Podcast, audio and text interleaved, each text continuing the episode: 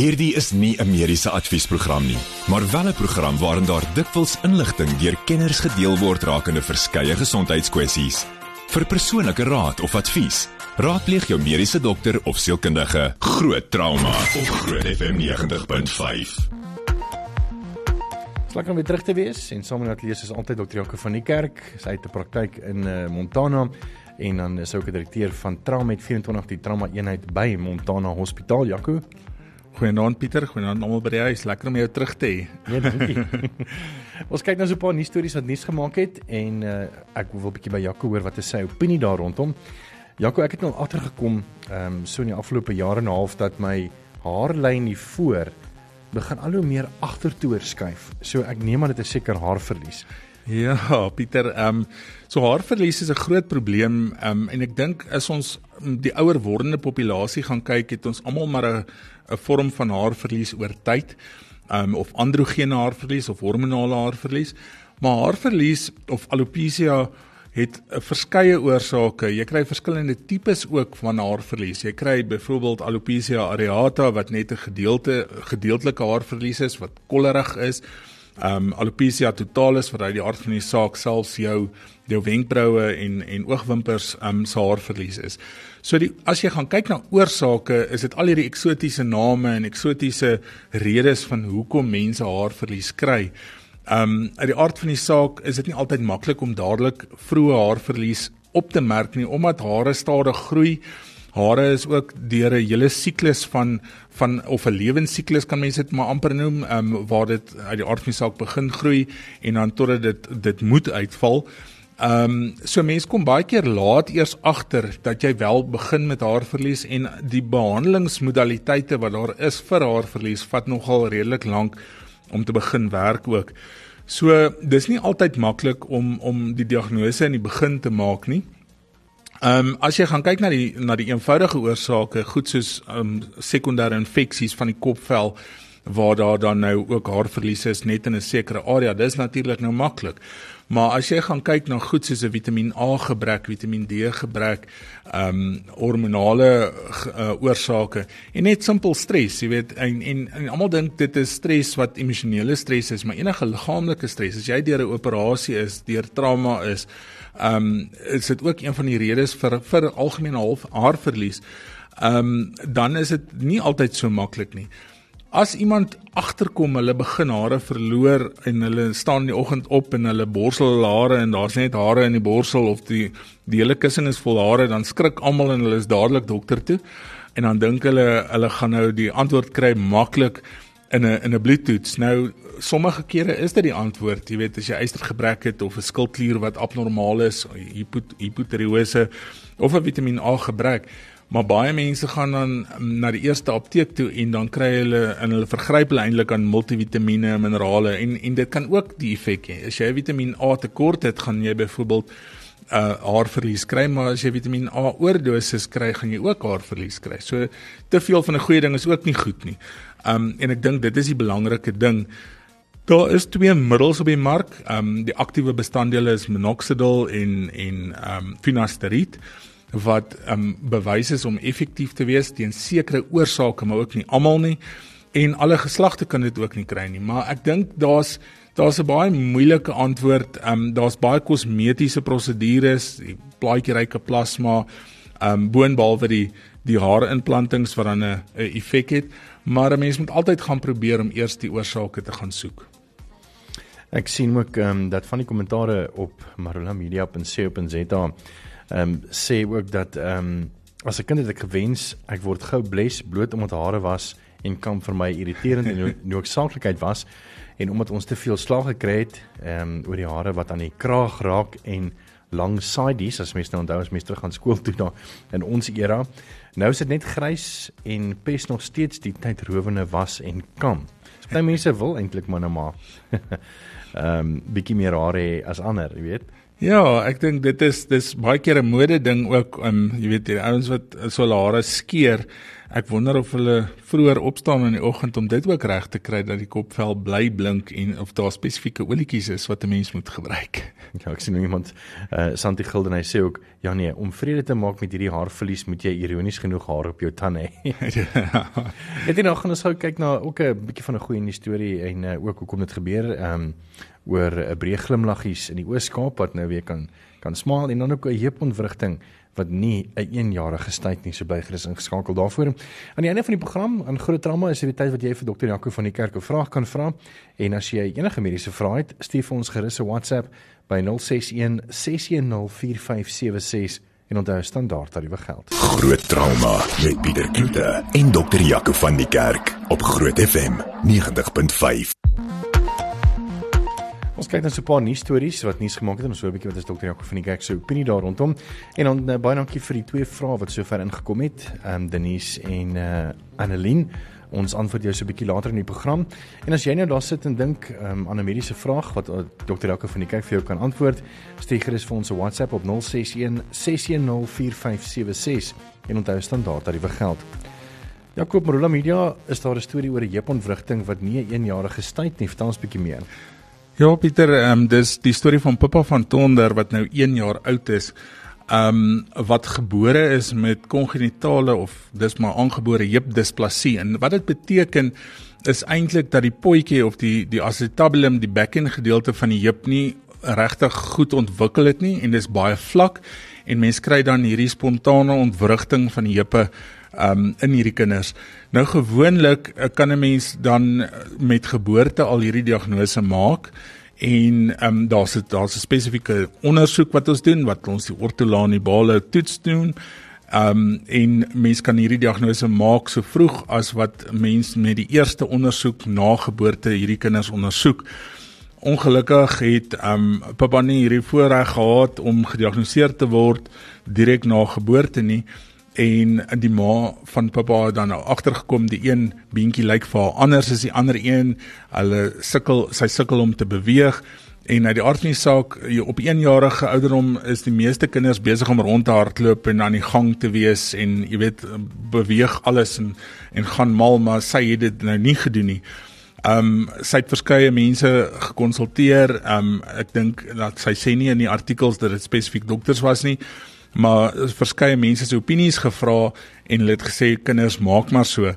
Op 'n stadium het sy dan nou agtergekom dat ehm um, nou, pappa nie heeltemal reg optree in terme van hoe haar ander kind optree nie. Haar ander seentjie is 2 en ehm um, sy het dan nou 'n uh, opinie gesoek by 'n Pretoria se ortopediese pediatriese chirurg ehm um, wat dan nou die kongenitale heupdisplasie ge, gediagnoseer het. Nou die probleem is hoe ouer jy word, hoe moeiliker dink ek is dit om hierdie te behandel. In die begin is dit baie keer 'n spica wat hulle hulle insit, die ortopede. So hulle hulle spalk hierdie beentjies in 'n spesifieke posisie dat 'n mens dan nou um ontwikkeling kry terwyl hierdie kind dan groei en baie keer is dit al wat nodig is en dan baie keer is daar operasies nodig en pappa is dan nou geopereer um en in 'n spieka gesit soos uit 'n kombinasie van hierdie twee en ehm um, ja, ek dink dit is 'n lang pad na herstel, maar dit is 'n aangebore toestand en ek dink baie mense dink is baie baie raar, maar is nie so raar as wat ons dink nie. Ek dink ehm um, meeste kinders wat goeie voorgeboorte sorg het en goeie obstetriese sorg in in uh, direk voor en na kraam gaan hierdie diagnose kry. Ehm um, baie maklik, maar ek dink ehm um, aan die einde van die dag is dit um goed dat hierdie kind geopereer is en dat um sy op die pad na herstel is. Hulle sien na haar back body fonds het is op die been gebring om om hulle te ondersteun met die mediese uitgawes. Want uit die aard van die saak is dit nie net die operasie nie, sy gaan ook die hele um herstelproses en die rehabilitasieproses met biokinetiese en fisioterapeute ensovoorts um moet deurgaan. So dis 'n langtermyn 'n probleem, maar ehm um, definitief eintlik 'n goeie storie aan die einde van die dag omdat die kind regtig goed gediagnoseer is en en en ek dink optimaal behandel word op hierdie stadium. As ek kan bysê Jaco, um, ek dink as ek van my vriende moes betaal het, soos ek 'n dokter sou moes betaal het vir raad, dan was ek seker al nou die ouderdom al lank al nee hier nie of die hiernamaals. So ek dink weet as val met kinders weet ek dink as as mense regtig want jy, ek dink jy sou saamstem en jy ek dink jy het ook al gesê dis dat 'n ma ken haar kind beter as enigiemand. En as jy as jy iets sien wat nie normaal is wat vir jou miskien dalk 'n bietjie uitvoel met jou vriende of familie, maar gaan, gaan net na 'n dokter toe maak 'n afspraak. Jy weet en en kry dit ja. onder die knie. Ja, jy weet, um, ek het 'n pediater gehad as 'n as 'n professor in pediatrie wat altyd vir ons gesê het is is 'n ma kind na jou toe bring en sy sê daar's fout met haar kind, soek daai fout. As jy dit nie sien nie, dan het jy nie diep genoeg gesoek nie, want 'n ma weet. Dis die een ding. Die tweede ding is soos hierdie kongenitale heupdisplasie Die ortolane behalwe toets word jy al geleer in jou 4de jaar van pediatrie. So dis een van die eerste goed wat hulle jou leer is hoe om hierdie diagnose te maak klinies ook want jy kan hierdie kinders se heupe eintlik ontwrig deur net hulle heupies, hulle beentjies te buig en hulle beentjies na buite te draai. Dan ontwrig hierdie heupies spontaan.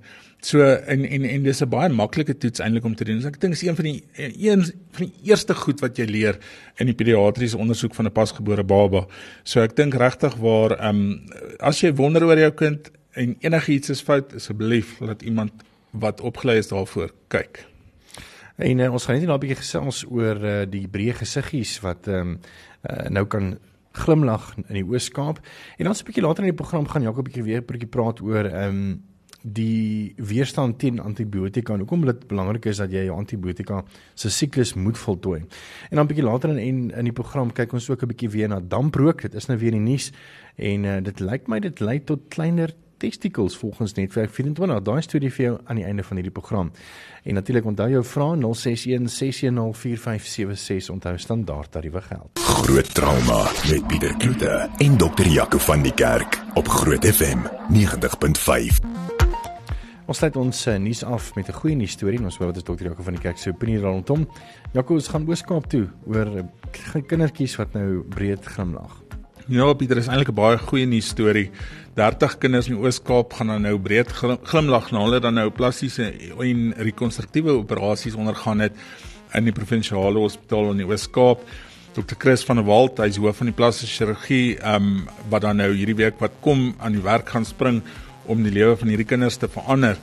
Dit word dan nou ook moontlik gemaak deur die Smile Stichting en ek weet baie van die plastiese chirurge in ons land um is deel hiervan en ook nie net in Suid-Afrika nie, maar ook in die res van Afrika waar hulle hierdie kinders gaan opereer met um aangebore gesplete verhemeltes en lippe. Um die Vodacom Stichting is dan die ander um in of instansie wat dan bydra tot die finansiële sy van hierdie projek. En sedert 2007 is 24 miljoen rand al bygedra om meer as 600 kinders se lewe te verander. Nou almal dink altyd dis net 'n kosmetiese ding, um, maar dit is nie heeltemal waaroor dit gaan nie. Jou gesplete verhemeltes en gesplete lippies wat dan nou um, die kinders mee gebore is, het 'n paar effekte. Die een is baie keer in die gesin sal die die die ander party, die pa byvoorbeeld, dink die maat iets verkeerd gedoen, dis hoekom die kind abnormaal gebore is wat nie heeltemal die geval is nie. Dit kan spontaan gebeur. Die tweede ding is dat um dit baie spanning plaas op die ouers omdat dit suk, die kinders sukkel met met voeding. Um baie keer sal jy sien die die kinders aspireer, hulle sukkel om te suig, hulle sukkel om te borsvoed, verloor gewig en dit maak die ouers baie keer baie gestres en gespanne en dit plaas al klaar meer spanning op 'n reeds spanningsvolle tydperk in 'n vrou en 'n in 'n 'n nuwe pa se lewe en 'n nuwe ma se lewe. Ehm um, die ander ding is die emosionele sy is ehm um, die kinders word groter. Hulle sukkel om te leer praat, hulle sukkel om ehm um, woorde goed te vorm en boonbehalwe dit is dit ook die emosionele komponent van hoe hulle na buite lyk. Ehm um, veral kinders is baie keer baie regheid met mekaar. Ek ek noem dit regheid en en en nie wreed nie. Maar hulle sal van mekaar sommer maklik sê, jy weet jy lyk anders as ek. Hoekom lyk jy so? En daar is ook nie altyd 'n antwoord vir die kinders nie en ek dink dit maak groot emosionele skade en en en eindig baie keer in depressie. So ek dink dit maak in alle opsigte um fisiologies, um anatomies en emosioneel 'n massiewe verskil op hierdie kinders se lewe. En ek dink dit is regtig waar ek hoop 'n inisiatief wat nog jare lank gaan wees met ons. Saam met die Woudekom Stichting en dan die Smile Stichting. Net hierna kommer oor daai stille pandemie van weerstand teen antibiotika. Net hierna onthou jou Frans Menas welkom 061 6104576 onthou standaard dat dit geld. Groot trauma met Pieter Kloete en dokter Jaco van die Kerk op Groot FM 90.5.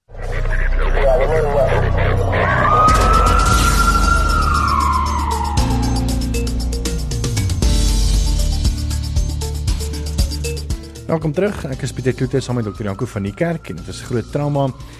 Janko, 'n artikel deur Nelly Brand Jonker op Netwerk 24 het my nogal laat dink vanoggend. Ehm um, wat gebeur as 'n mens nou byvoorbeeld nie jou antibiotika drink nie? Ek weet ons het omtrent amper so jare en 'n half of 2 jaar terug hieroor gesels. Maar ek wil nou omdat nou weer die nuus is, wil ek nou weer 'n bietjie hoor praat en die, die artikel se opskrif gaan so kommer oor stille pandemie en hakkies van weerstand teen antibiotika.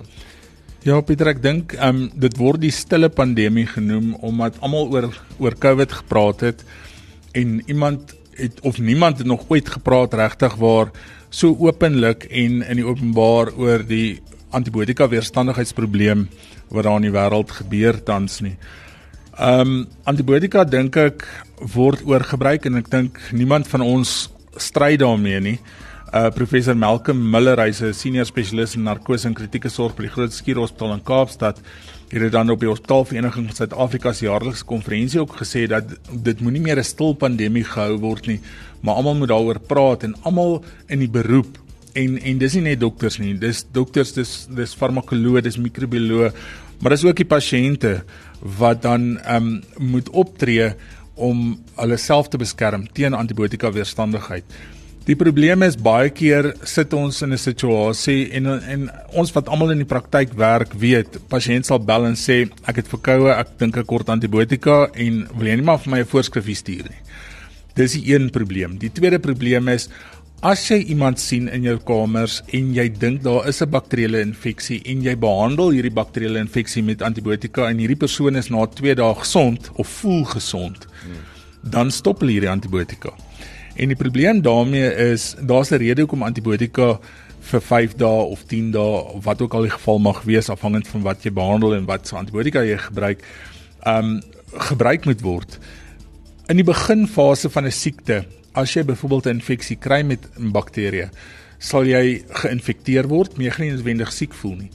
Jy het 'n inkubasietydperk waar daai bakterieë vermenigvuldig totdat jy so 'n lading van bakterieë het dat jy dan nou jou simptome kry en jy siek voel.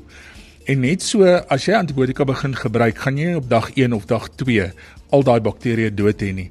En dis hoekom jy dit so lank gebruik. Die probleem is nou as jy jou antibiotika kursus onderbreek, hierdie organismes of hierdie bakterieë baie keer, ek wil amper sê met mekaar kan kommunikeer en hulle bou dan weerstandigheid op want hulle probeer dan nou om hulle self te beskerm want geen lewendige organisme wil graag doodgaan. Jy gaan jouself beskerm as iemand wil inbreek, gaan hulle gaan gaan jy jouself beskerm en net so as die antibiotika wil inbreek maak op die lewe van 'n bakterie gaan hy homself wil beskerm. En dis presies wat gebeur.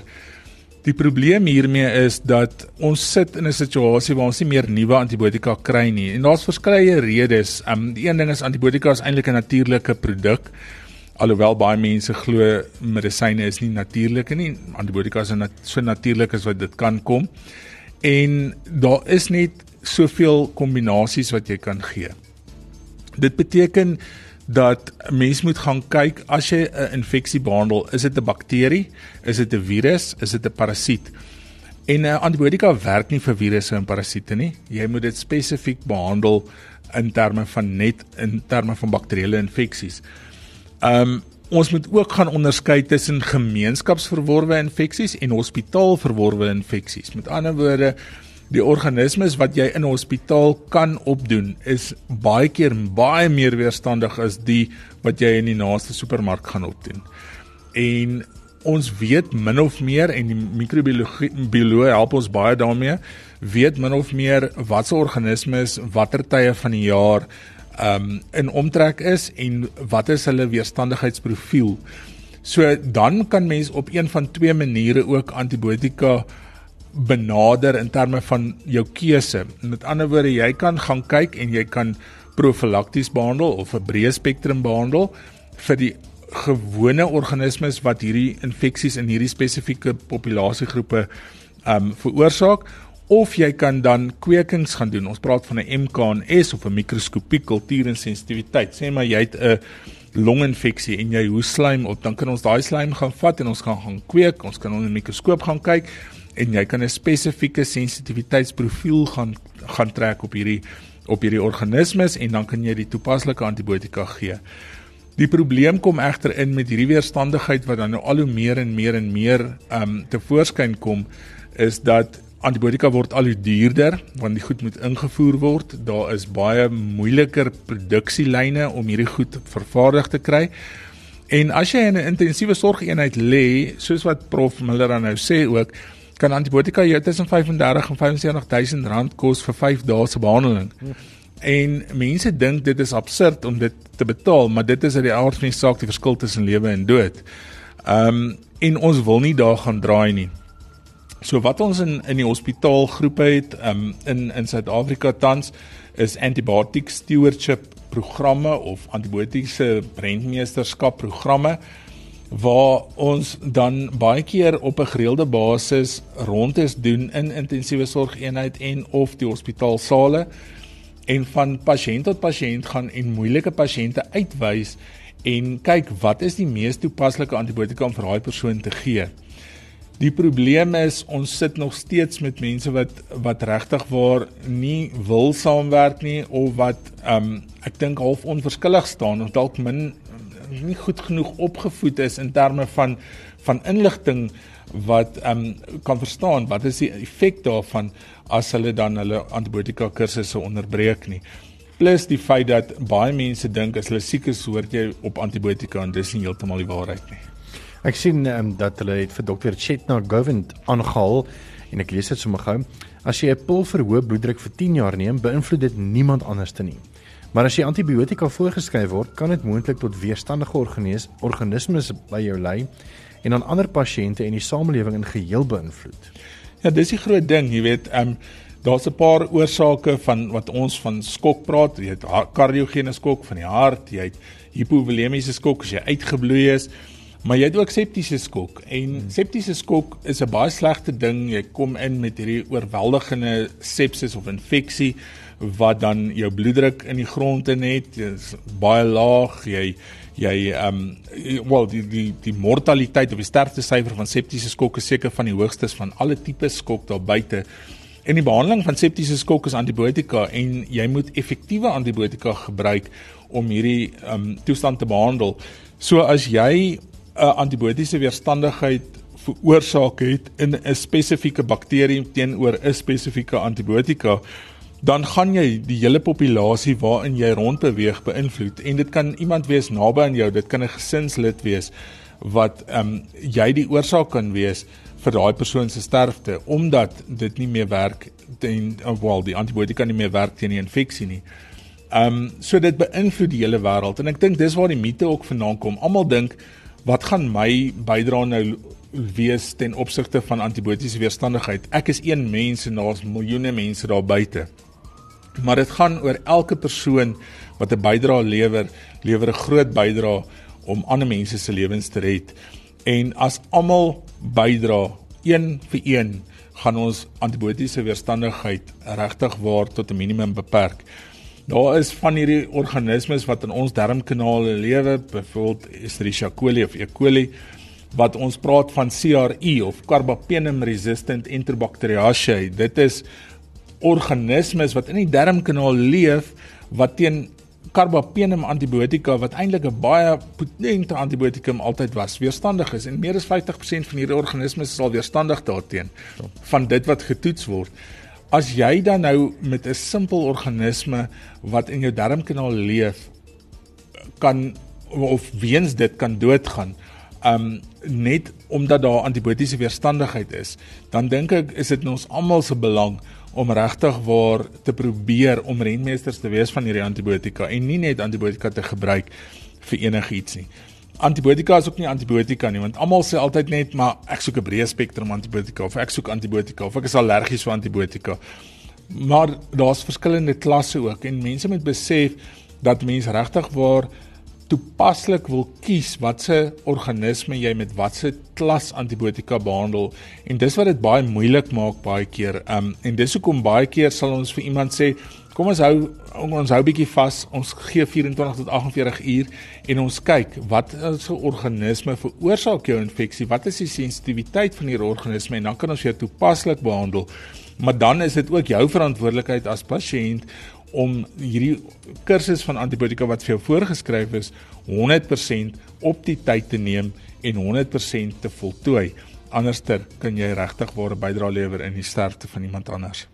Net dan gaan ons uh, bly by antibiotika, maar ons gaan 'n bietjie kyk oor hoekom Poppy die wetgewing van Suid-Afrika van jou uh, wat persoonlike inligting ehm um, beskerm, mediese navorsing in die wielery en wat dit beteken vir Suid-Afrika en die gesondheid van Suid-Afrika uh overall. Met die volgende program bo Groot FM 90.5 om jou as luisteraar met die nodige inligting oor 'n spesifieke onderwerp te voorsien. Alhoewel hierdie inligting dikwels deur 'n kenner op die gebied gedeel word, word jy aangemoedig om jou mediese dokter of sielkundige te besoek vir persoonlike advies of raad. Groot trauma op Groot FM 90.5.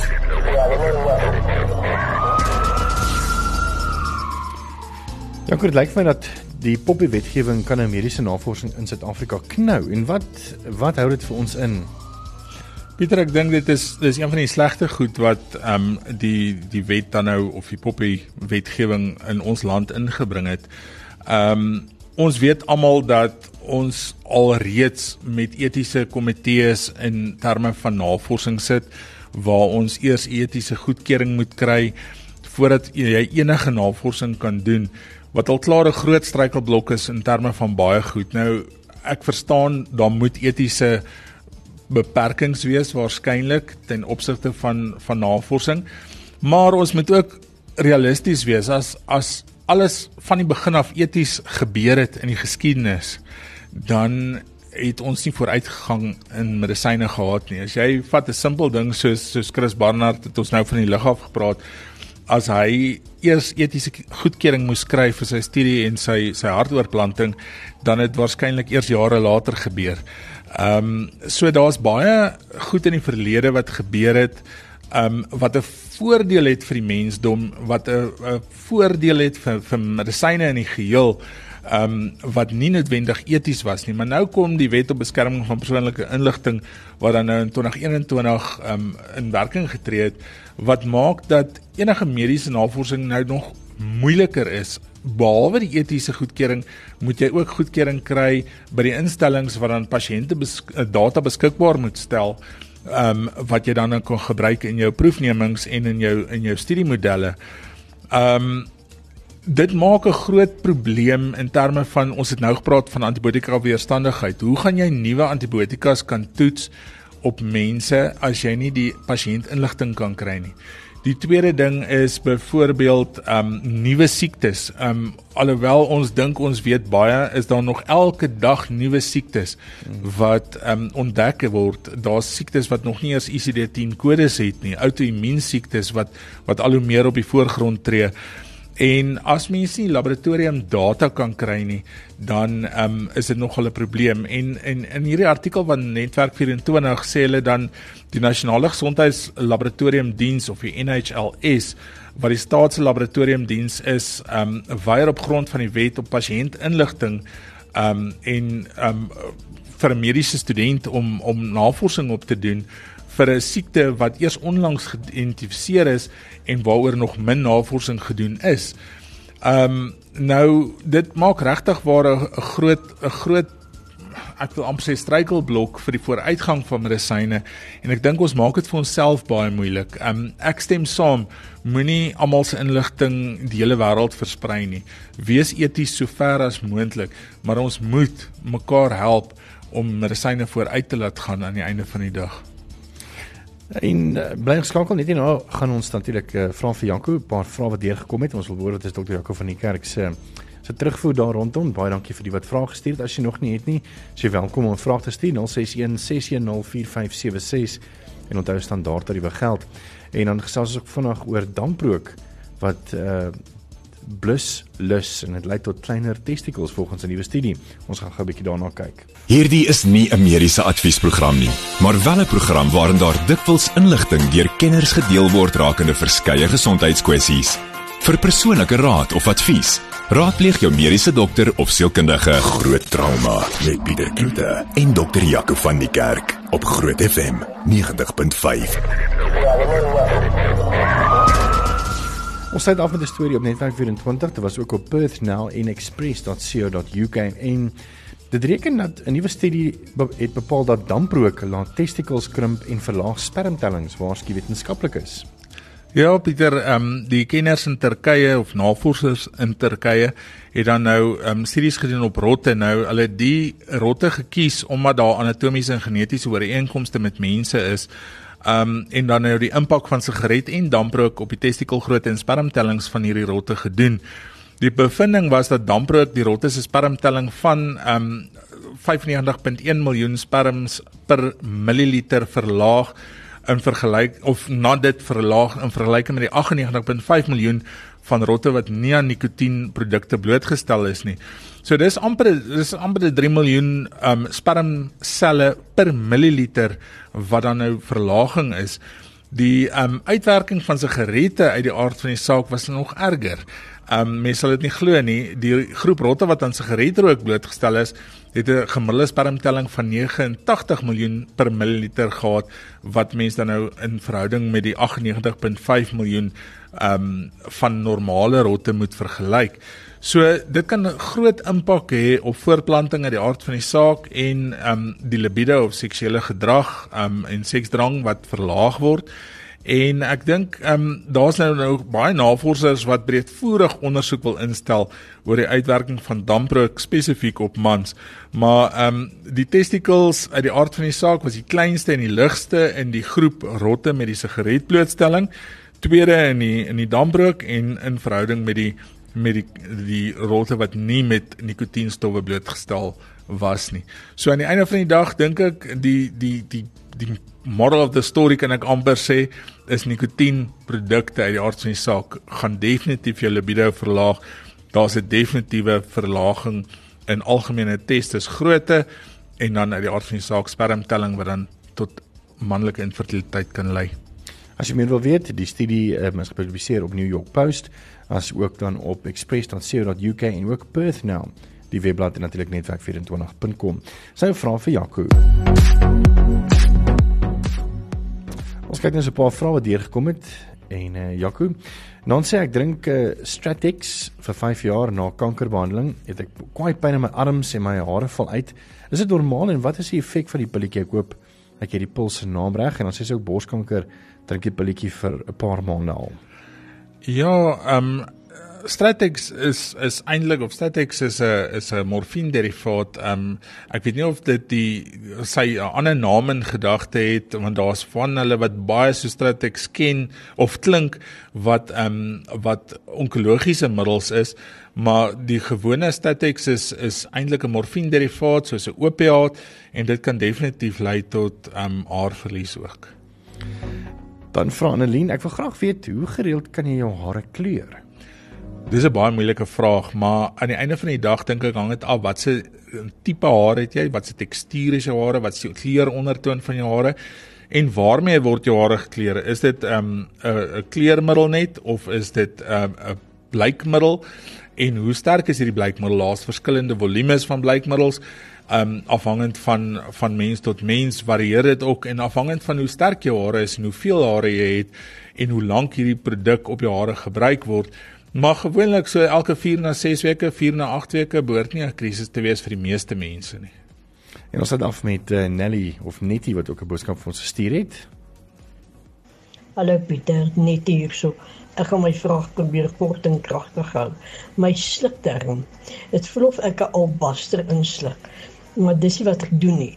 Maar ek hy kom van onder af dan kom hy op boontoe. En ehm um, dan moet ek hom wegsluk met water. Hier waar ek staan het ek onheemlik seer.